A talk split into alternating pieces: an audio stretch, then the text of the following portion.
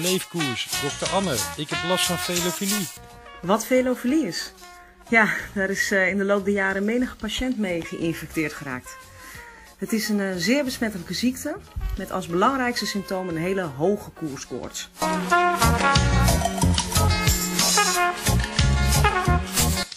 Velofilie dus. Zeer besmettelijk onder een groep fanatieke fietsvrienden. Samen zijn zij velofilie. En dit is de Velofilie podcast.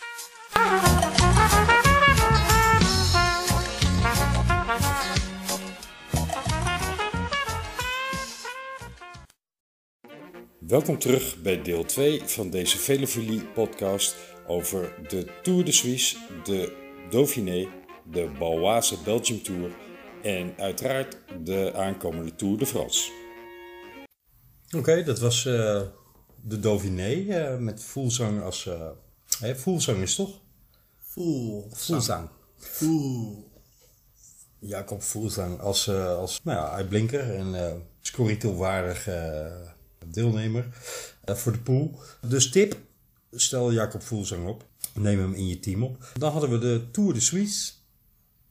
En hebben we, want hij is nog bezig eigenlijk op dit moment. Zeker, zeker. Ja, ja. Zojuist is de Tijdrit. tijdrit gereden. Ja.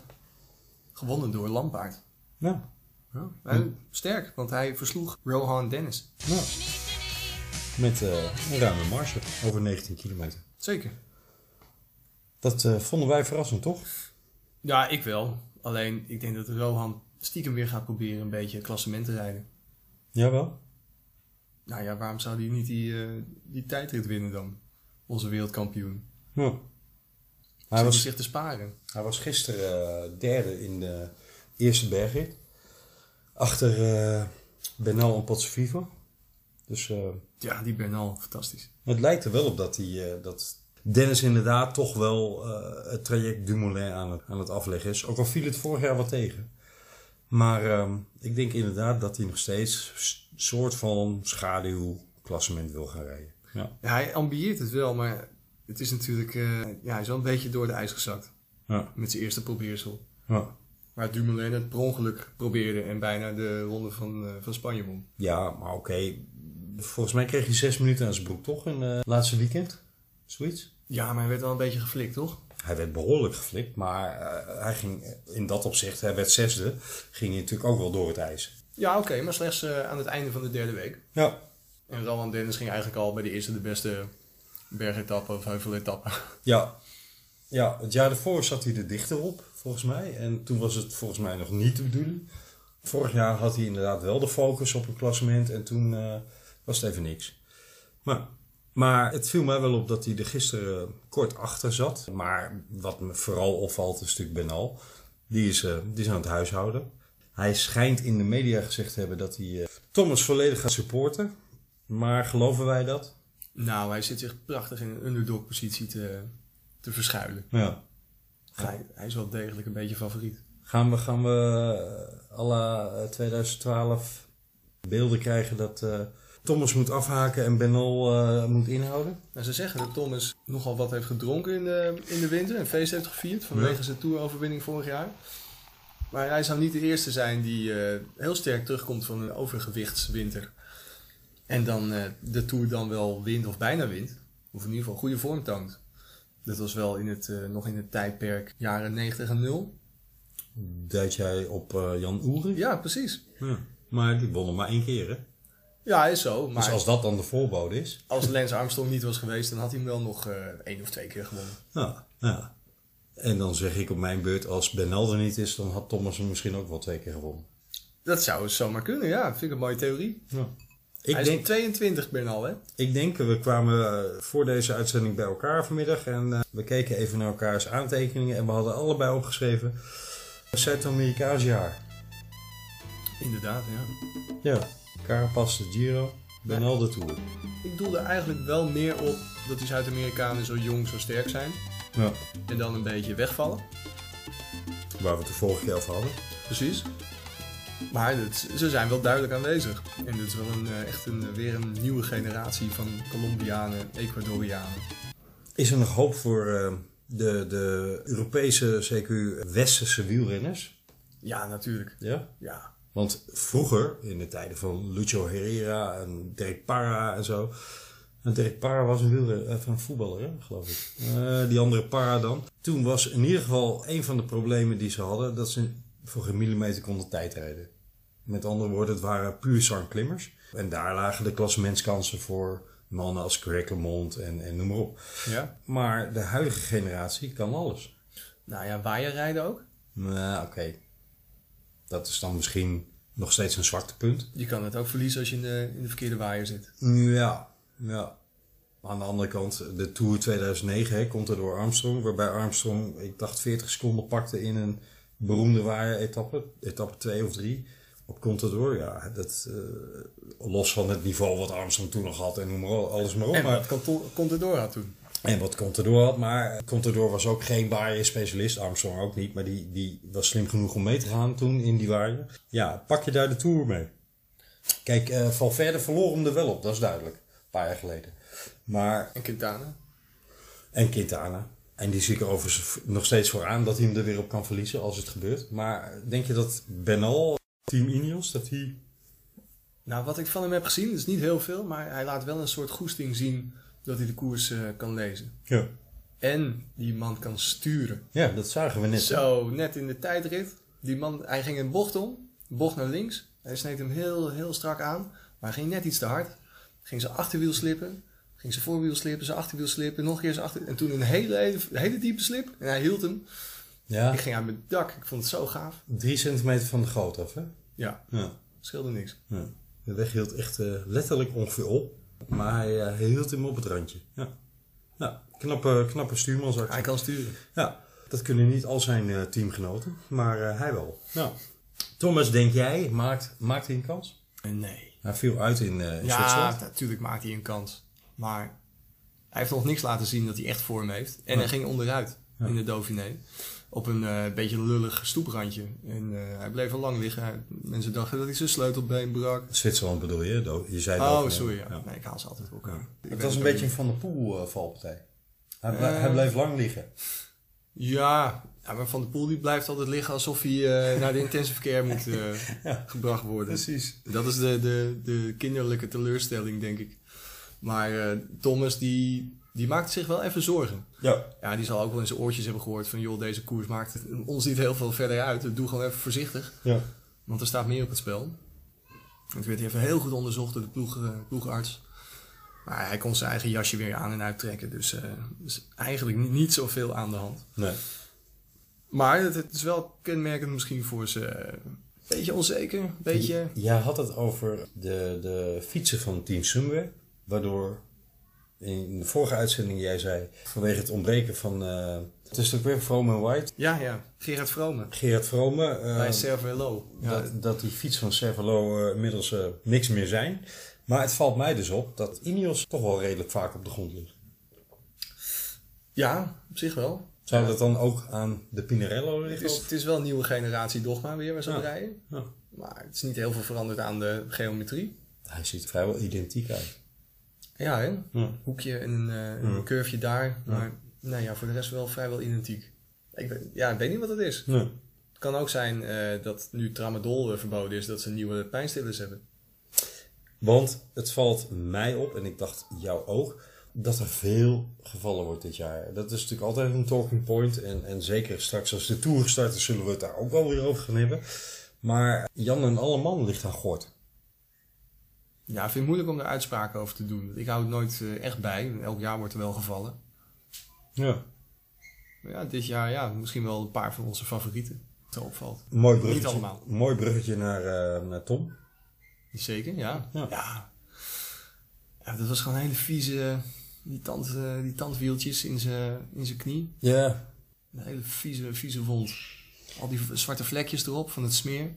Maar het is, het is volgens mij niet zozeer de wond geweest. Het is eh, dat, dat stukje wat ze op een manier over het hoofd gezien hebben. En het, het, het verbaast mij echt hoogelijk dat een, een professioneel team als Sunweb, die echt op alle details bezig zijn, hè, die bekend staan om hun protocollen en, en om het tot drie cijfers achter de komma uitgedachte systeem, dat die op een of andere manier, of ze hebben het gezien op röntgenfoto's en noem maar op, en gedacht we laten het zitten.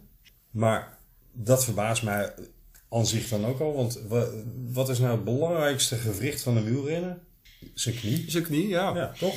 Dus hoe kun je vredesnaam niet lichaams eigen stukje in een knie laten zitten als je op het hoogste niveau Tour moet Ja, presteren? een stukje grind, alsof ze met die vingers gewoon eventjes eh, erin hebben zitten vroeten en een beetje leegscheppen.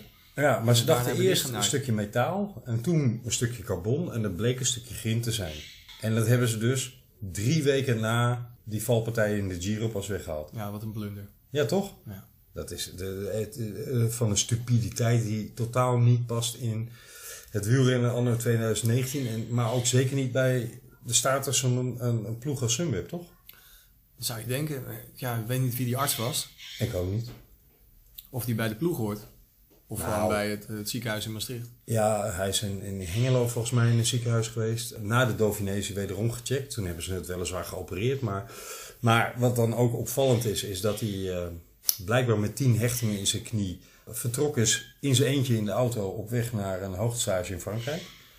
En dat hij halverwege blijkbaar eh, de ploegleiding heeft opgebeld en gezegd: Ik keer om, want eh, dit gaat hem niet worden. Ik vind het een, raar proces. Ik vind het aan alle kanten raar. Het rammelt. Het, het, het, klopt werkelijk eh, totaal niet. Ik vind het een verstandig besluit, laat ik dat voorop stellen. Het is doodzonde dat hij niet meedoet. Het rare is dat hij voor de Giro had uitgesproken dat hij eh, Giro als hoofddoel had en de Tour voor etappes zou gaan. En, en eventueel een klassement. Maar dat de Tour bijzaak was. Om de druk ervan af te halen, ja. Maar oké, die doelstelling was, had nog steeds hetzelfde kunnen zijn. Dan komt dat verhaal met dat, dat steentje of wat het ook in zijn knie was, wat ze pas veel te laat uit zijn knie weghalen. Dan zit hij vervolgens ook nog in de auto op weg naar een hoogtestage met 10 hechtingen in zijn knie. En bedenkt hij op dat moment, hier moet ik niet mee doorgaan. Ik vind dat de ploeg daar zwaar gefaald heeft, want ze hadden hem gewoon in bescherming moeten nemen en moeten zeggen, na de Giro, toen duidelijk was dat er iets met zijn knie was, we gaan die knie eerst even leeghalen en schoonmaken. En, en als dat ten koste van je herstel voor de Tour gaat, dan is dat dan maar zo. Want wat neem je voor risico als je iets in je knie laat zitten? Da daar kun je toch nooit mee op 110% presteren? Nee, ja, dat lijkt me niet. Nee. Maar goed, weet je, die man is wel heel hard gevallen. En altijd gespeculeerd over eh, de, hoe er al dan niet gehandeld had moeten worden. Ten Nou ja. opzichte van hoe er is gehandeld. Het is, eh, Wat, wat opvallend is, is dat, dat die ploeg de laatste tijd een beetje bokkensprongen aan het doen is. Eh, Matthews is helemaal eh, over de rode dat hij eh, niet getraind heeft op, op sprinten, maar op, eh, op tempo kunnen rijden in, in de bergen. En, en ter ondersteuning van Dumoulin op, op voorschrift van de ploeg. Dus die, eh, die is nu een beetje verloren, zeg maar. Het zou me ook niet verbazen als Matthews weg is na dit seizoen. Die geruchten gaan al. Kelderman, ja, komt terug. Daar mag je eigenlijk niet zoveel van verwachten. Rijdt tot nu toe ook alles behalve hoopvol. hij verwachtte zelf ook duidelijk niet zoveel. Nee, hij geeft zelf al aan dat hij vooral de kopman niet is. Ja. Sowieso geen kopman. Precies. Wat trouwens weer een mooie Dark Horse oplevert voor Squito, maar dat eh, terzijde. Dat is een hele, hele dark, dark horse. dat is echt tegen... Ja, maar daar hebben we het zo over. Die kun je beter op Unibet uitspelen. en dan heb, je, dan heb je Sam Omen die van de Tour afgehaald werd naar de Giro. eh, en daardoor ja, eh, die ploeg ook al helemaal overhoop gegooid. Het, het gaat niet lekker eh, bij Sunweb dit jaar. Zeker niet. Nee, nee, nee. Wat eh, is het pech of is het geblunder? Ja. Of gewoon een, een, een, ja, prachtige combinatie van beide. Prachtig tussen aanhalingstekens. Wat is jouw eh, idee? Nou ja, ja, een beetje van beide wel. Maar ik kan me er gewoon niet voorstellen dat er zo wordt geblunderd, aangezien ze het vorig jaar zo goed deden. En daar staat dan in schril contrast tegenover. Ik, ik praat over Sunweb nog steeds als zijn een Nederlands ploeg. Dat Duitse licentie officieel. Maar laten we zeggen... Zoveel Nederlanders rijden er ook weer niet voor. Hè? Nee, dat is zo. Maar met name de teamleiding is toch in Nederlandse handen. Maar daar staat eigenlijk eh, in schril contrast tegenover het succes wat eh, Jumbo-Visma dit jaar heeft. Ja, die, de rollen zijn omgedraaid. Ja. Drie jaar geleden het lachertje van eh, het peloton. Toen eh, Sunweb eh, hoogtij vierde. Ja, het kan verkeren. Dat is bijzonder. Ja. Ja. Visma. Visma. Om te Ja. voorkomen dat we ons weer vergissen in Lotto. Ja, laten we dat niet meer doen. Ik vond het wel zo verwarrend dat er twee lotto's in het peloton rondreden. Ja. Gelu- Gelukkig hebben ze een Visma. Wat denk jij van Kruiswijk in, in, in de Dauphiné? Hij, hij moest afstappen omdat hij ziek was. Maar hij reed tot Altijd daar. een goed teken, hè? Ja, ja. Ja. Net als Yates. Ja. En wie nog meer? Fullsang? Nee, zo. Oh nee, die won hem, hè? nou ja. Ja, nee, die koorts. Ja, afstappen. In het voorjaar is een griepje kort voor een koers is gegarandeerd. eh, Ja, ja, fantastisch wordt dat. ja. Ja, ik denk dat Kruiswijk het echt goed gaat doen. Ja. En sowieso omdat hij de ploeg het goed doet. Ze hebben waarschijnlijk een hele goede nieuwe staf. Ja. Of iets toegevoegd aan de staf. En de methode. Waardoor ze in één keer heel eh, goed zijn. Ja. Iedereen doet het goed. Ja, Ik hoorde een, een, een podcast van van. eh, Teunissen tot, tot Bouwman tot, eh tot Roglic tot... tot eh, je gaat het zien, Kruiswijk gaat het best goed doen. Dylan, uiteraard. Oh ja, Dylan. Ja. Ja. Met val alsnog winnen in de ZLM. eh, Maar misschien is Dylan wel de reden van deze hele wederopstanding. Die heeft namelijk geld voor zich ja. met zijn sprintoverwinningen. Nou, dat ze bitter hard nodig hadden, bedoel jij? Mm. Ja. Nou, de sponsor brengt ook wel wat in. Maar met die paar overwinningen komt er weer een zeker prestige bij. Waar zo'n hele ploeg dan van kan groeien. Ik hoorde een, een, een lange uitzending van Maarten Ducro, de Krotcast genaamd. Ik vind het wel aanrader om die eh, aan onze luisteraars mee te geven. De Krotcast van Maarten Ducro. Uh, die had een lange uitzending over eh, zeg maar eh, het turning point en het hele proces daarin van Lotte Jumbo en, en nu Jumbo Visma. Ik heb hem niet geluisterd. Het ging eigenlijk over, over teambuilding en het ging over het, het afbreken van eh, privileges en hokjes en één op één relaties tussen verzorgers en renners zoals die in de Rabobank tijd bestonden. En het, het voorkomen als team gaan opereren van eh, Jumbo-Visma. En toen dacht ik, dat is gewoon Sunweb 2.0. Het is precies hetzelfde verhaal. Hmm, ja. Herinner je je de, de, de huldiging van eh, Dumoulin in de Giro? Het hele team op het podium? Ja, ja, ja. ja. Op, op voorschrift, of voorschrift, op instigatie van de ploegleiding. Hè? En- Die zeiden, en, eh, we doen het als team. Daarvoor al, eh, die eh, docu, hoe heette die ook weer? Helden? Ja? Was dat niet? Ja? Toen nog het team Giant, Ja. Giant Sunweb? ja. Toen Marcel en Dekenkolpen nog reden. Ja, Ja. ja. Ja. Maar die, die, die, die filosofie is dus één op één hetzelfde. De uitvoering is misschien in de details anders, maar het gaat over voeding. Het gaat over het voorkomen gelijkwaardige positie van alle renners in het team. Het gaat over dat er geen soigneurs speciaal voor één renner of iets zijn. Het gaat over eh, het, het functioneren als organisch geheel. Wauw. Ja. Ja. Geloof jij dat? Is dat de reden van het succes? Of zit Nou daar... ja, in groepsdynamiek vind ik, ben ik ook wel voor de horizontale eh, hiërarchie. Ja. Nou ja, het, het is waarschijnlijk. Ja, ik vind dat vervelend om daarin te vervallen, maar ik doe het wel vaak, merk ik. Er zal ook wel een hele goede dokter zijn. Er is meer tussen hemel en aarde. Ja, Ja. Dan eh, een pep talk van eh Theo de Roy. ja. Want- Ik denk dat dat gewoon weer goede, goede trainingsschema's zijn. Ja. En trainingsstages. Ja. Tenerife, Luca. Ik heb, en dat heb jij ongetwijfeld ook Andorra. gezien, wel eens een filmpje gezien van Dylan die eh, op een viaduct traint. Ja, de, de Hollandse brug, die, die heb ik ook regelmatig Ja. gefietst. Ja, en, eh, en tot kotsen. Verschrikkelijk stuk is dat eh, trouwens. Dat is echt zo oerzaai langs de snelweg. Ja, maar echt, echt kotsen in dat filmpje. Ja, ja, Zo diep ging hij. Ja. Dus het zal ongetwijfeld een stuk arbeid en een stuk, een stuk, ja, zus, dat klinkt wel heel naar. Ehm, het zal ongetwijfeld een, een, een bepaalde manier van trainen zijn. Het zal de combinatie van afgewogen voeding en, en moderne techniek zijn. Maar ik denk inderdaad dat in het huidige peloton er weer meer aan de hand is dan wij kunnen bevroeden. Ja, dat horen we over 15 jaar wel. En het grappige is, als Astana het hele voorjaar supergoed rijdt, dan hebben we met z'n allen altijd meteen eh, het idee, ja, Astana. Hè? Dan denken we als eerste aan de, aan de Ja. Dottore. Fino de Boef, ja, Bahrein, Ja. die rare Arabieren en de Italianen die een reputatie hebben. Maar bij, De Nederlanders hebben, eh, ja, ja we, we- we- we Terwijl- vergeten wel eens dat, dat Rabo ook Ja. een reputatie heeft. Ja. ik wou zeggen, we, we- dachten altijd dat we het braafste jongens van de klas waren. Mede omdat we toch niet zo heel veel resultaten eh, behaalden. Maar eh, we bleken helemaal niet dat brave jongetje te zijn. Dus, maar ja, speculatief. Geef Ja, beter kun je er gewoon ehm, af en toe, af en toe in, erop terugkijkend, kun je het erover hebben, maar voor de rest, Ja. ja, laat, het, eh, laat het bij de roddel en achterklap. Laten we genieten van de prestatie. En, en als we het daarover hebben, komen we automatisch ook bij de derde ronde die we de afgelopen tijd gezien hebben. Namelijk eh, de Baloise Belgium Tour. Ja, die is mooi man. En jij wilde het met name even hebben, en geheel terecht, over één bijzondere prestatie daar. van een onwijs leuke renner. Namelijk Schippie. Schippie. Ja, geweldig man. Met zijn smalle stuurtje. Ja, Maar meer. vertel. Nou, eh, die, eh, die zat de hele dag al geloof ik in een ontsnapping in, eh, in heel slecht weer. Met nog een eh, paar gasten. En op eh 12 kilometer van de meet dacht hij eh, van nou ik ga hem nog eens even aanzetten voor, dit, eh, voor die bonificatiesprint. Ja. De, de, hoe noemen ze dat weer? De gouden kilometer. Ging ze een, een kilometer lang heel hard rijden weer. Terwijl het peloton al achter ze aan zat en nog een, eh, minder dan een minuut zat geloof ik. Eh, met nog 12 kilometer te gaan. Nou, meestal denk je dan, nou, die worden makkelijk teruggepakt. Nou, ging nog even een, eh, een kilometer hard rijden. Kreeg twee kerels mee uit die, uit die eh, vlucht eh, uit, uit de kopgroep. En is hij nog een paar kilometer met die gasten doorgereden. Wel, eerst was hij, was hij weggereden. Toen is hij weer even gaan wachten op die jongens. Is hij met die gasten nog even doorgereden. En toen drie kilometer voor het einde dacht hij, weet je, ik ga gewoon even in mijn eentje. Terwijl het peloton op 20 seconden reed. Koekoek. Heb Ik je nog? Ja. En drie kilometer lang heeft hij met een, een cadans van eh, 450 eh, toeren per minuut.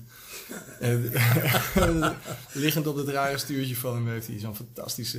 eh, En hier dan het moment van de beslissing. Hier rijdt Jan-Willem van Schip, wereldkampioen puntenkoers, weg van zijn laatste twee overblijvers. En Tom Dernies met de paarse harm, helm, die doet nog teken aan het peloton met zijn vingertje. Er rijdt er nog één voor. Maar het peloton komt te laat. En Jan-Willem van Schip, 24 jaar van Roompots, wint deze etappe. En vooral de oerschreeuw achteraf, plat liggend op de rug, op de koude straatstenen. Ja, was toch wel een momentje. Ik doe mijn ding. En dit was de oerkreet. Die kwam van diep.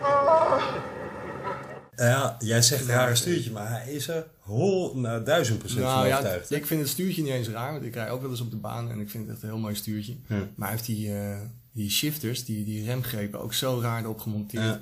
Dat je in een soort tijdrithouding op je, op je wegfiets kan gaan zitten. Nou, Ja. Ik kan me niet voorstellen dat het op lange trainingsritten heel comfortabel is. Maar als je in je eentje tegen de wind in moet eh, knallen, dan moet het wel eh, een soort moraal geven. Maar wat ik dus zo mooi vond, is dat hij dus echt zijn baantechnieken liet zien daarmee.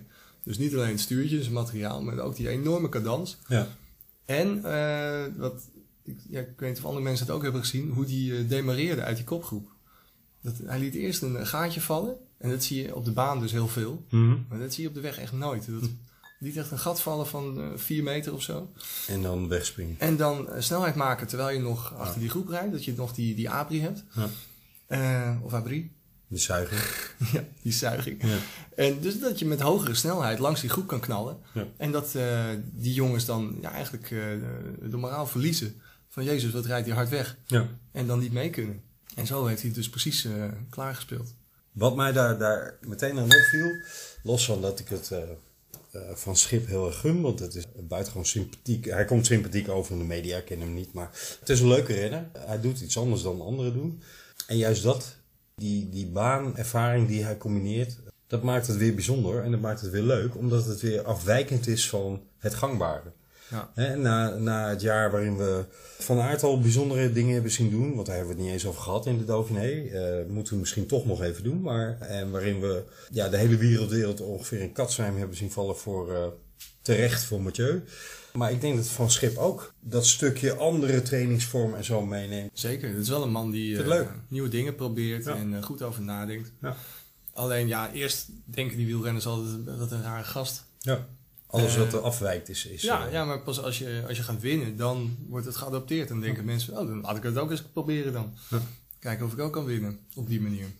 Het grappige was het niet even de poel die ook zijn shifters een beetje in die houding op zijn stuur had zitten? Mhm, Volgens mij wel, ja. Ja. Ja. Ook, ook een bijzondere prestatie geleverd trouwens. Zeker, ja, die maakt dan wel reclame meteen, maar Goeiesmorgens, 19 hè? ja. ja 19. Een supermens. Ja. Niet normaal. Out of this world zouden ze vroeger zeggen. Volgens mij zeggen ze het nog steeds. Ja, ja, ik weet niet of dat terecht is bij hem. Ik, ik heb geen Nee, flauw nee. idee, maar... Nee, maar hij heeft wel een constante prestatiecurve, denk ik. Goed, Het is geen kampioenschapsrenner. Nee, nee. Er schoot me nog een opmerking te binnen toen jij het had over comfortabel op je fiets zitten. Want dat is natuurlijk een beetje een, een tendens hè, tegenwoordig om eh, desnoods afwijkend van wat de meetwaarden zouden opleveren voor zithouding op je fiets. Of houding op je fiets. Maar dat de tendens een beetje is om zo comfortabel mogelijk op je fiets te zitten. Maar er zijn ook ploegen zoals Ineos die dan zeggen, wat een onzin. Comfortabel doe je maar thuis. Op de fiets zit je zo aerodynamisch mogelijk. Althans, het compromis tussen zoveel mogelijk kracht kunnen leveren en zoveel mogelijk aerodynamisch zitten. Je bedoelt de ideale combinatie daarvan? Ja, ja. En, Ja. Ook, en ook geen 2 mm daarvan af. Ja, dat lijkt me dan wel lastig. Als je je gevoel anders zegt, maar je, je moet het zo doen voor je ploegleiding. Ja, misschien is dat wel de reden dat er zoveel valpartijen zijn.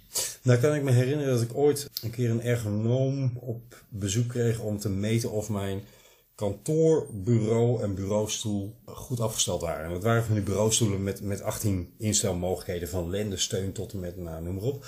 En daar waar ik dacht dat ik aardig, aardig goed zat, hè, ter voorkoming van RSI en noem alles maar op, werd mijn stoel even in een houding gezet waarvan ik dacht, oh machtig, dit zit helemaal niet fijn. En het antwoord van die ergonoom was: nee, dat klopt. Want je zit niet goed en daar ben je aan gewend. Maar als je goed zit en je leert jezelf zitten in die nu oncomfortabele houding, dan zul je zien dat je daar eigenlijk het gezondst mee zit. Ja. Ik denk Dat is dat eigenlijk wel een eh, goede theorie. ja, ik denk dat dat hetzelfde is op fiets. hoeveel, hoeveel gasten zijn die na zo'n hele dure fietsmeting dan net weer het zadeltje net even wat hoger of wat verder of wat dichter eh, of wat langer Ja. dan, dan dat die meting heeft gezegd dat ze moeten zitten. Omdat ze nog niet lekker zitten, omdat ze er niet aan gewend zijn. Ja, kijk, van, van Schip, hè, want dat is dan de, de, de link. Van Schip heeft natuurlijk een ul- ultra smal stuurtje. Ik geloof dat hij met 32 of 36? 32, hè? Ja, hij is bovenop het stuur is hij eh, nog net even eh, een centimeter of tien smaller dan Ja. onderop het stuur. Ja. Dus daar, daar zit het verschil. Ja, wat moet je meten? Hè? Waar, waar kun je het dan... eh, Nou, laten we zeggen dat het eh, ongeveer 10 centimeter smaller is dan, dan redelijk gangbaar. ja, ja, zeker. Ja. Ja. En daarmee zit hij natuurlijk in een hele rare, atypische houding op de fiets. Maar wel aerodynamisch. Ik denk overigens dat dat bij lange na niet voor een heel peloton weggelegd is. Want hoeveel valpartijen gaan we dan zien? Het zou kunnen. Misschien gaat de UCI het wel weer verbieden. Net als die... eh, Ja. Vroeger die spaghetti eh Cinelli stuurtjes, weet je nog? Ja, die kans zit er ook nog in. Ja. Nee, mooie overwinning van Van Schip. Ja, Eh, prachtig. Leuk, leuk. de moeite waard om terug te kijken, mensen. Ja. Staat vast wel op eh, YouTube. Ook de moeite waard trouwens. En dan, dan springen we een beetje van de hak op de tak. Maar ik vond hem toch wel erg mooi. De eerste overwinning eh, als prof van, eh van Tolhoek. Hè? Dat heb ik helemaal gemist. Ja, Wat is er gebeurd? Zwitserland. Maar heeft hij een etappe gewonnen in. Zwitserland? Absoluut. Nou zeg, dat was zeker eergisteren. Eh, Toen ik in de kroon, ja. eh, hing. Ja, het was eergisteren. Bleef eh Benal net voor in, in de. Shit, nou dan moet ik dat even gaan terugkijken. Dat is wel leuk zeg. Ik, de- Tolhoek heeft zelf geroepen dat hij denkt nooit een grote ronde te kunnen winnen. Hè, omdat hij aangeeft daar niet goed genoeg voor te zijn. Nou, Zijn hij- dat na die overwinning? Nee, dat zei hij geloof ik tevoren al. Maar hij is natuurlijk ook absoluut geen tijdrijder. Maar ehm, Nee, het is een, hij doet me aan Peter Winnen denken. Qua mogelijkheden in de bergen. En tekortkomen in een tijdrit. Kun je toch eh, dicht, dicht op het podium eindigen. Ja, waar doet hij aan denken met zijn kleine lichaam? Ja, Peter Winnen. En die hele smalle schaap. Lijkt wel een klein Colombiaantje. Ongeveer alle klimmers tegenwoordig. Ja, ja. We hebben het een beetje gehad over eh, alle voorbereidingskoersen. En eigenlijk is het natuurlijk allemaal aanloop naar de Tour. We hadden net even eh, heel kort eh, met elkaar over een pool voor de Tour. Scorito. Scorito. Nee, maar we, we, hebben, we hebben ieder één naam aan elkaar toegespeeld. Hè? Ik, ik gaf jou Thomas en jij gaf mij Bardet. Ja. Ja. ja. Maar hij gaat gewoon ergens in de top 5 eh, eindigen, denk ik. Ja. En dan moet je hem hebben, want het gaat punten opleveren. Ja. Ja, en eh, die hele tour die is op hem eh, ontworpen, man. Ze hebben al eh, de tijdritten zo kort mogelijk gemaakt. Ja. Waarvan één zelfs een ploegentijdrit, zodat ze zijn ploegenmaten mooi kunnen, kunnen duwen en trekken. Ik denk even goed dat hij echt nog wel in die, in die ploegentijd twee minuten aan zijn broek kan krijgen. Zou me niet Het is, verbazen. die is 27, 28 kilometer, zoiets. Ja, zoiets. Ik betwijfel het. Het, eh, nee, twee minuten denk ik niet. Ik denk dat er best wel tikken gaan vallen. Overigens, ik heb even voor het contrast opgezocht. Wat de langste, eh, want dit is echt, echt de tour met de minste tijdritkilometers ooit, geloof ik. Maar de langste individuele tijdrit ooit in de tour vond in 1947 plaats. Oh. En moet jij even één, nou, je mag twee pogingen doen om te raden hoe lang die was. Die tijdrit. Nou, hij zal ongetwijfeld langer dan 100 kilometer eh, zijn geweest. Ja, ruim. Ruim? Ja. Holy shit. 200 kilometer? Nee, oké, daar ga je, nou ga je iets. Oké. Hij was 139 kilometer lang. Wauw. Ja. Dat is bizar, toch? Ja. 139 kilometer op je maximum vermogen rijden. ja. Dat zullen ze toen misschien niet gedaan hebben. Ik heb wel eens een toertochtje in mijn eentje gereden van 180 kilometer in Luxemburg. Maar ja, af en toe wel bij iemand in het wiel kunnen hangen. Ja. En dan kun je ook zeker niet de hele tijd voluit. Dan moet je nog even af en toe wat eten. Even je bidonnetje bijvullen. Ja. Een tijdrit, zo lang. Bizar. Ja. Ja. En toen hadden ze geen tijdritfietsen. Nee. Of ze überhaupt versnellingen hadden, weet ik En niet. toen woog fietsen nog 15 kilo eh, waarschijnlijk. Ja. Maar goed, dat was dus even om het contrast aan te Ja, duiden van, waar, van dit jaar. Ja, precies. De Franse hoop is gericht op Pinot en Bardet. Maar eh, ik denk dat het irreëel is. Ja, oké, maar de- als je dan toch een Fransman moet hebben, dan kun je best de Bardet nemen. Ja. Laten we En even, even, laten we eh, even los van alle Benallen en Bardets en zo. Laten we even twee, twee dark horses pakken die in het klassement misschien nog wel iets kunnen betekenen. Hm? Ik heb een lijstje. Ja? Maar dan bedoel ik echt klassement, hè? Dus niet eh, Ja, ja, ja. top 20, maar top 10. Nou, oké, dat even een streep door Mijntjes en Kreuziger dan. Nou, Mijntjes zou nog kunnen verrassen natuurlijk. Ja, maar ja. Dat, maar is, wat, dat is drie jaar geleden. waarom jij Mijntjes... eh, Omdat- dat- Omdat die 750.000 euro kost. ja, en je dat. En je weet het niet. Ja. Hij zit wel bij Dimension Data, die de afgelopen twee, drie jaar geen eh, deuk in een pakje boter rijden. Dimension Data driehoek. Ja. ja. En, maar Kreuziger, die zat eh, nog bij eh, Astana. Deed hij best aardig. Maar goed, nou ja, het, het wordt waarschijnlijk helemaal niks. Oké, laat maar. Maar ze zijn wel goedkoop. 750.000 euro. Dus als je nog eh, een knaakje of twee over hebt... en je hebt nog een plekje te vullen... Nou, Ja. hè, wat kan het kwaad? Stel, hij gaat in de eerste bergrit lekker mee... dan kun je hem de tweede gewoon lekker opstellen. Ja. Ik wil er nog eentje noemen. Mhm. Want we hebben het over Sunweb gehad. Dumoulin weggevallen. Kelderman is er natuurlijk altijd een risicofactor dat hij... eh, Ja, wat is er eigenlijk met Kelderman? nou ja, ja, misschien dat hij eh, iets te snel die bocht eh, pakt. Joh. Of dat zijn tube van zijn band afglijdt. Ja. En, ja, ja. en hij zegt zelf dat hij sowieso geen kopman is. Hij, hij is slecht voorbereid, vindt hij. Ja. Hij had gisteren 11 minuten aan zijn broek gekregen in de Ronde van Zwitserland. Ja. Dan hebben ze ook nog Nicholas Roach. Die in het verleden nog wel eens een aardig klassement eh eh, voorhanden had. Alleen zich dan daarna moest oprijden voor zijn kopman. ja. Maar geen kopman heeft nu. Nu heeft hij dus geen kopman meer. Ja. Ja. Maar ja, hij rijdt eh, dus bij Sunweb op die, die fietsen die vorige meter rijden. Dus ja, eh, 750.000 euro. Het is een gok. En Kelderman? Ja, nee. Ik, ja, hij zit, hij zit, hij zit in mijn team, moet Ja? ik toegeven. ja Maar dat is een shortlist. Je speelt graag eh, on the edge. Nee, ik, ga, ik heb hem één keer opgesteld met het idee van... ik wacht nog even een paar weken voordat, die, eh, voordat de, de deelnemerslijst echt eh, definitief is. En dan ga ik even sleutelen. En dan gaan er een paar uit en dan gaan er een paar bij komen. En op het laatste moment verneuk ik mijn team altijd. Dus eh dat komt vanzelf goed. Laten we heel even, heel even over Kelderman verder gaan. Want het, het is eigenlijk wel een, een, een bijzonder verhaal, vind ik. Potentieel, hè? Kelderman die eh, zichzelf niet een keer aan gort rijdt, rijdt gewoon de vierde plaats in de, in de Vuelta. Debuteert in de Giro. Hoe lang is dat geleden? Dat is twee jaar geleden, zoiets. Nee. Ja, was, was vorig jaar zelfs. Toen kwam hij toch ook terug van de val. Hm. Hij debuteerde als, al- als negende in het klassement van de Giro. In de grote ronde. Potentieel, het is een fantastische tijdrijder. Het is een, een uitstekende klimmer. Misschien wel een betere klimmer in aanleg dan, dan Dumoulin dat is. Oh, Eh, zeker, ja, ja. En het is eigenlijk een, een wereldtalent. Zeker, qua, qua maar- wattage. Maar, Maar hij heeft, ja, het ontbeert hem gewoon een beetje aan personality. En eh jij liet mij van de week een filmpje zien. eh, wielergochma. Je stuurde een filmpje toe waarin eh, hij een reactie gaf aan een los, geloof ik, in de, in de Tour de Suisse. En je zei, die jongen is niet volwassen geworden. Alsof, hij nooit voor, ja, alsof er een kind voor de camera staat. Ja. Ja. Maar ja, ja, ja. Misschien komt het door, die, eh, door zijn opleiding bij Rabo. Altijd gepamperd, het grote wonderkind. Ja. Jij gaat het helemaal maken, jongen. Als je doet wat wij, wat wij zeggen, dan komt het helemaal goed. Ja, dan ga je ook geen eh, persoonlijkheid ontwikkelen en je eigen keuzes maken en eh, je eigen plan trekken. Voor jezelf leren opkomen. Dat is dan heel moeilijk. Geesink die had er in het verleden ook wel last van. Totdat hij zoveel teleurstellingen had gehad en, en echt scheid kreeg. En wel zijn ballen even liet zien. Letterlijk door schade en schande wijs geworden. Ja. Hm. En eh Geesink gaf toen het kopmanschap op. En toen heeft hij wel hier en daar mooie uitslagen gereden. Jij zegt, eh, dat is de route die Kelderman moet gaan doen? Nou, ik denk dat hij dat nu al doet. Hm. Maar aan de andere kant, Hij is van kandidaat kopman of schaduwkopman. Is hij, is hij een beetje aan het afzakken naar meesterknechten in de hiërarchie. Of in de manier waarop vind gebruikt de wordt in meeste de koers. knechten moeten ook echt personality hebben. Ja.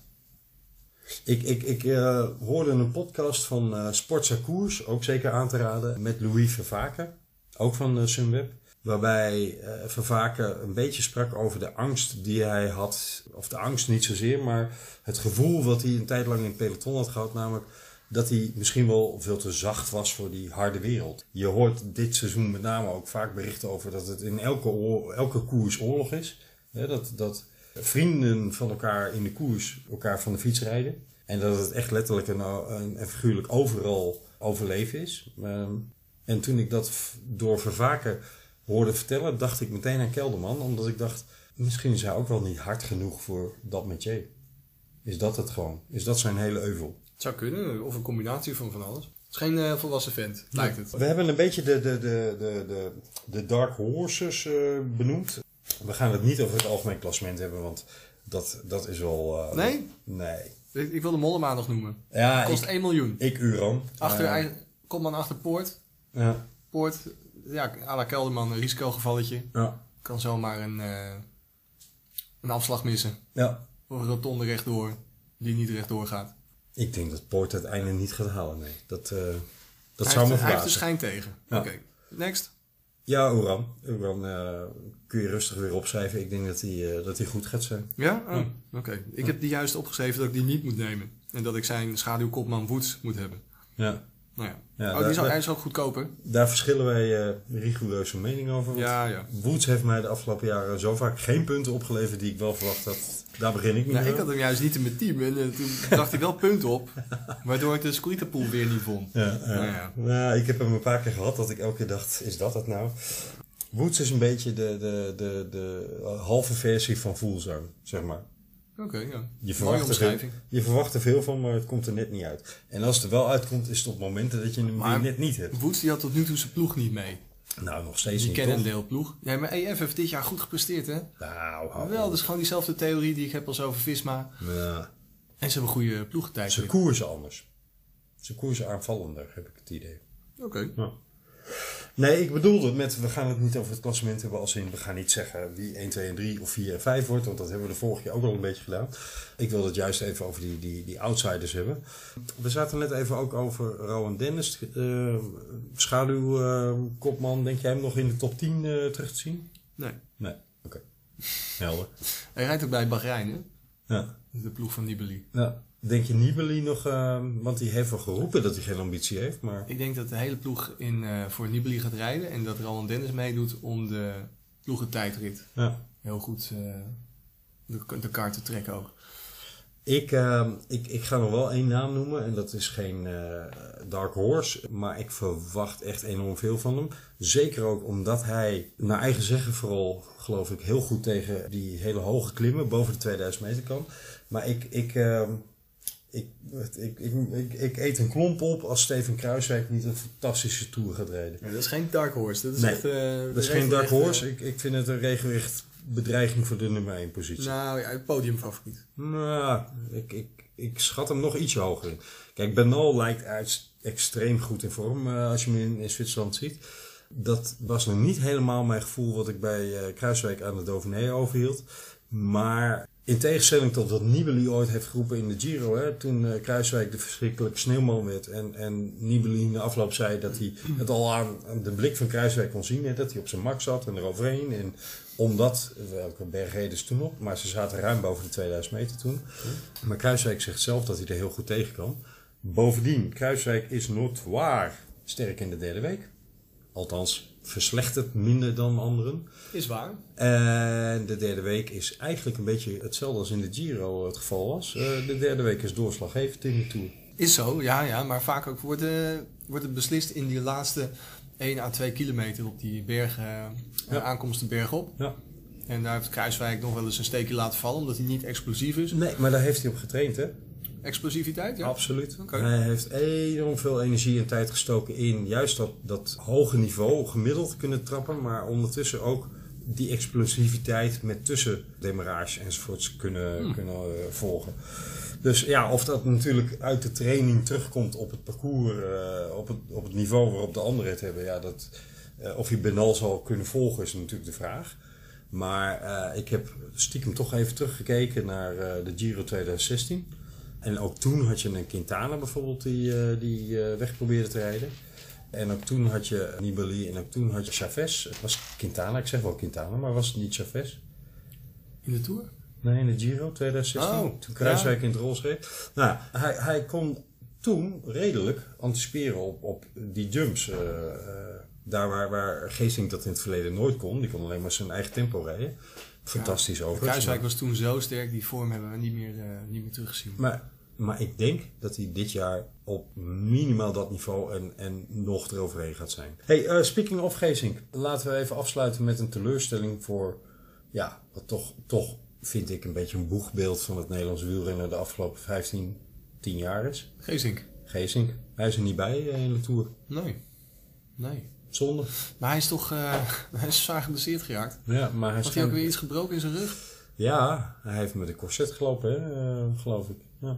Maar ik weet niet wat hij precies had, maar hij, hij, hij was wel uh, zwaar gevallen en uh, weer zwaar geblesseerd. Ik volg hem op Strava. Ja.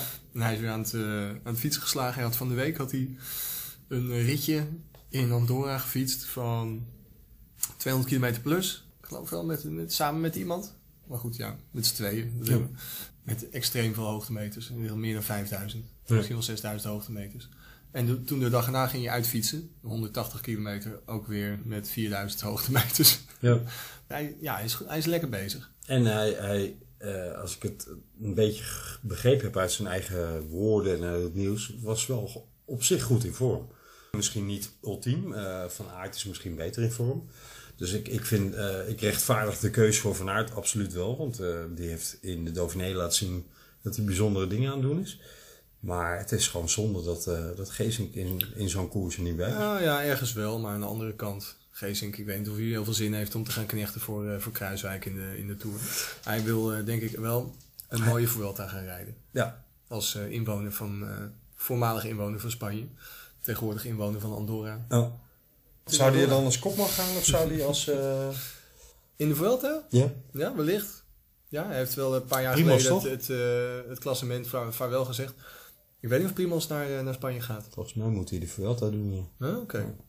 Okay, nou, als oefening op de Tour van volgend jaar. Als uh, meesterknecht CQ schouderkopman. Ja, oké. Ja. Laten we afsluiten, Don. We hebben genoten van uh, een aantal lekkere biertjes van brouwerij De Zeven Deugden. Ja. Uh, nogmaals mensen, ze zitten in Amsterdam bij de beroemde uh, molen van Sloten, bekend van Rembrandt. Uh, verzamelpunt van de tijdrijders. Ja, verzamelpunt de... van mensen die een rondje, rondje ringvaart gaan, gaan doen. En als je daar niet struikelt over de wielrenners, dan struiken we wel over de Japanners of de Chinezen. Of de snackbargangers, er zit een hele goede snackbar naast. Of de snackbargangers, de patatzak of zaak. Met een A tussen ha haakjes. Maar brouwerij De Zeven Deugden zit daar dus ook. Met heerlijke biertjes zoals de Wijs en Neuzig. Die wij dronken. En uh, de Koor en Blond. En we hadden het voetbalbier. Het voetbalveld. De damesvoetbalbier. Welke is jou het best bevallen van de drie? Uh, ik denk die damesvoetballers. Ja? Ja. De pale ale met een vleugje limoen. Ja. ja. Ik vind ze wel allemaal een beetje moutig. Ja. Moet je van houden. Hm. Maar ze zijn wel, uh, wel lekker. Ik moet wel bekennen dat ik nog, nee, nog steeds niet ben bijgekomen van uh, afgelopen paar dagen. Vaak is het na een biertje of twee wel een beetje weer op orde. Maar... Ja. Afsluitende opmerking, want um, jij uh, recupereert. Um, de supercompensatie heeft bij jou nog niet toegeslagen. Nee. Maar jij wilde net nog iets zeggen, maar dat ben je al vergeten met die kaarten van je over Kel Kelderman. En supercompensatie. Nou, laten we die dan als afsluiter uh, erin gooien. Dat jij dacht dat hij door... Die, hij verloor ook 11 minuten gisteren. Ja, hij ging gewoon zwaar door het ijs gisteren. Nou, ik, ik kan me niet voorstellen. Ik denk dat het in zijn trainingsschema past. Ja. Dat hij gewoon even een dagje rustig moest doen van de... Trainer. CQ-arts. Ja. ja. Die, de cardioman. Ja. Die over zijn hart, uh, hartslagmeter gaat en zijn wattagemeter. Wat leg even uit voor uh, de mensen die eventueel niet weten wat supercompensatie is. Nou, supercompensatie is dat je in een soort uh, golfbeweging traint. Dat je, nou, we zeggen, je begint op een normaal niveau te trainen. Dan ga je steeds harder trainen. Totdat je echt op een heel, heel, heel hoog niveau traint. Helemaal in het rood. En dan neem je rust. Ga je heel langzaam trainen. En dan weer ietsje meer. En dan weer, dan weer steeds steeds dieper gaan. En er zit een soort, in die golfbeweging zit een soort eh, stijgende lijn dan. Er is er vast een formule voor in de sinus en de cosinus. Ja. Maar ja, dat noemen ze supercompensatie. Dat je eerst heel diep bent gegaan, dan rust neemt en dan kun je de week erop nog dieper gaan. Ja. En dan neem je weer wat rust, kun je de week erop nog dieper gaan. En Dus Ben al die eh, drie dagen achter elkaar eh eh, top rijdt. Wat wordt hij in de tijdrit? Tweede, derde vandaag. Eh gisteren wint hij met 20 plus seconden voorsprong op uh, Vivo en Dennis. En de dag ervoor wordt hij tweede achter Tolhoek. Die is niet bezig met supercompensatietraining. ja, misschien wel. Alleen nu zit hij in die, die piek. Dat hij nu zo diep gaat en dat hij straks rust neemt. Maar waar heeft Kelderman die piek dan gehad? Want eh, dit, Ja, maar dit is een hele- de eerste koers die hij rijdt. Iedereen heeft zijn eigen golfbeweging. Hè? Het Ja, is niet zo dat ze in dezelfde, dezelfde golf surfen. Nee. Dus ja, ik weet niet hoe zijn trainingsschema eruit ziet. Maar ik denk, ik denk dat dat het is. Ik denk niet dat hij door het ijs is gezakt. Ik kan me niet voorstellen dat eh Kelderman door het ijs zakt en dan 11 minuten verliest. Daar is hij, heeft hij van nature een veel te hoog niveau voor. Ik denk toch dat jij een rookgordijn aan het eh, optrekken bent om mensen in hun pool op het verkeerde been te zetten. Nou, ik, eh, laat ik het hopen, want hoezeer ik altijd moet lachen om eh, de stuurfouten enzovoorts van, eh, van Kelderman. Je gunt het iemand niet dat hij zo vaak in de keukels ligt. En eh, laten we hopen dat hij een keer een mooi klassement kan rijden. Ja, ik gun het hem ook. Nou, It is now time for your medical tip of the night.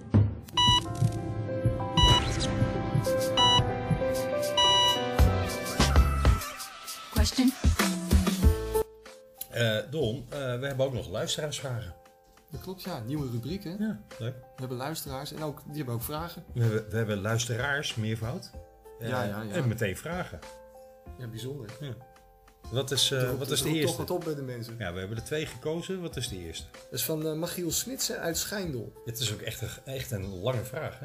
Ja. Nou ja, hij heeft wel de moeite genomen om even een briefje te schrijven. Hij schrijft, beste dokter Anne, bij het soigneren ben ik wat uitgeschoten. En sindsdien ben ik de eigenaar van een nieuwe vriend in de vorm van een ingegroeide haar op mijn Pyreneeën. Noem het maar een vriend. Nu heb ik voor komend weekeind een mooie toertocht op het programma staan. Ik heb helaas geen partner om me hierbij te helpen. Is er een behandeling mogelijk die ik eigenhandig kan toepassen, waardoor ik zonder pijn de toertocht kan rijden? En ik denk dat Magiel iets zoekt zonder baksteen. Nou ja, dat, dat mag ik ook. Benieuwd wat dokter Anne daarvan eh, te zeggen heeft. Beste Michiel, eh, dank voor je vraag. Het is een heel eh, vervelend probleem dat je daar hebt. Het enige wat op dit moment nog helpt is een spoedcursus bij eh, die Chinese circusmeisjes volgen. Zodat je hè, ledig genoeg bent om en een goed zicht op je perineum te krijgen en tegelijkertijd een pincet te hanteren en die haar eruit te Maar de uiteindelijke oplossing ligt hem in de preventie. Geef je perineum de aandacht die het verdient en laat je behandelen in een professionele waksalon. En de tweede vraag is van wie, Don? Thijs van Kollenburg uit Hippolytushoef. Ik moest het even opzoeken. Nou, Dat ligt in de, in de Wieringenmeer. Hij vraagt, eh, hoe kan het dat ik harder fiets wanneer ik een kater heb? Goeie vraag. Dat vraag ik me dan ook af. Vind ik wel bijzonder. Benieuwd wat dokter Anne hiervoor theoretische onderbouwing voor heeft. Hey, Thijs uit Hippolytushoef. Nou, je treft het. Ik ben een goede bekende in die regio. Sterker nog, ik heb je vaak genoeg eh, lam gezien op de verschillende Noord-Hollandse kermissen. Volgens mij zijn we zelfs nog een keertje brommers wezen kieken. Hoe dan ook, wat betreft je observatie dat je sneller fietst als je een kater hebt. Kijk, elke keer dat je eh, dronken wordt, dan verlies je zoveel hersencellen dat je gewoon niet meer in de gaten hebt dat je als een slak over die kasseien kruipt. En waarschijnlijk spelen postalcoholische hallucinaties ook een rol. Hè, Je waant je een soort van, eh, van avermaat, terwijl je in werkelijkheid gewoon een lokale amateuristische stoemper bent. Kusje. Hey Don, het was me weer een genoegen. Ja, uh, insgelijks. Brouwerij De Zeven Deugden, dank. Eh, dank voor jullie leuke interview en eh, de lekkere biertjes. Ehm, We hebben iets minder gegiegeld dan vorige keer. hè? we hebben... eh, Dat lag aan mij. ja, Sorry. dat geeft het niet. Doen we het de volgende keer weer. Hey, was me weer genoeg, jongen. We hopen dat jullie eh, weer, Lege glazen. weer genoten hebben van, eh, van deze podcast, van de Velefolie podcast. De volgende uitzending zal ongetwijfeld eh, redelijk snel zijn, maar toch pas over minimaal een week. Want jij gaat even een weekje Mallorca doen, hè? Ja, Fietsen. ja man. Lekker. Oh, zoveel zin in. Bah. Het schijnt daar lekker weer te zijn. Maar hier wordt ook lekker weer. Alleen hier had ik op kantoor gezeten. En hier hebben we niet zoveel bergen. Klopt. Ja. oh man, die bergjes uit. Ik ben, ik ben jaloers. Nou, geniet ervan. Dankjewel. en en ehm, voor de luisteraars, wij zijn eh, snel weer terug. Ik zal Eh, verslag doen als ik eh, terug ben. ja, leuk. Doe dat. Wij, wij zijn snel weer terug. En dan zitten we waarschijnlijk kort op de tour of inmiddels al in de tour. En dan zullen we jullie daarvan op de hoogte gaan houden. Mocht je deze podcast leuk gevonden hebben, dan laat vooral een eh, berichtje achter of een waardering achter. Of eh, doe wat je ermee wilt doen. Maar we vinden het altijd leuk om reactie te krijgen. Ja, geef maar een shout-out. Precies. Namens Don en mij, een fijne avond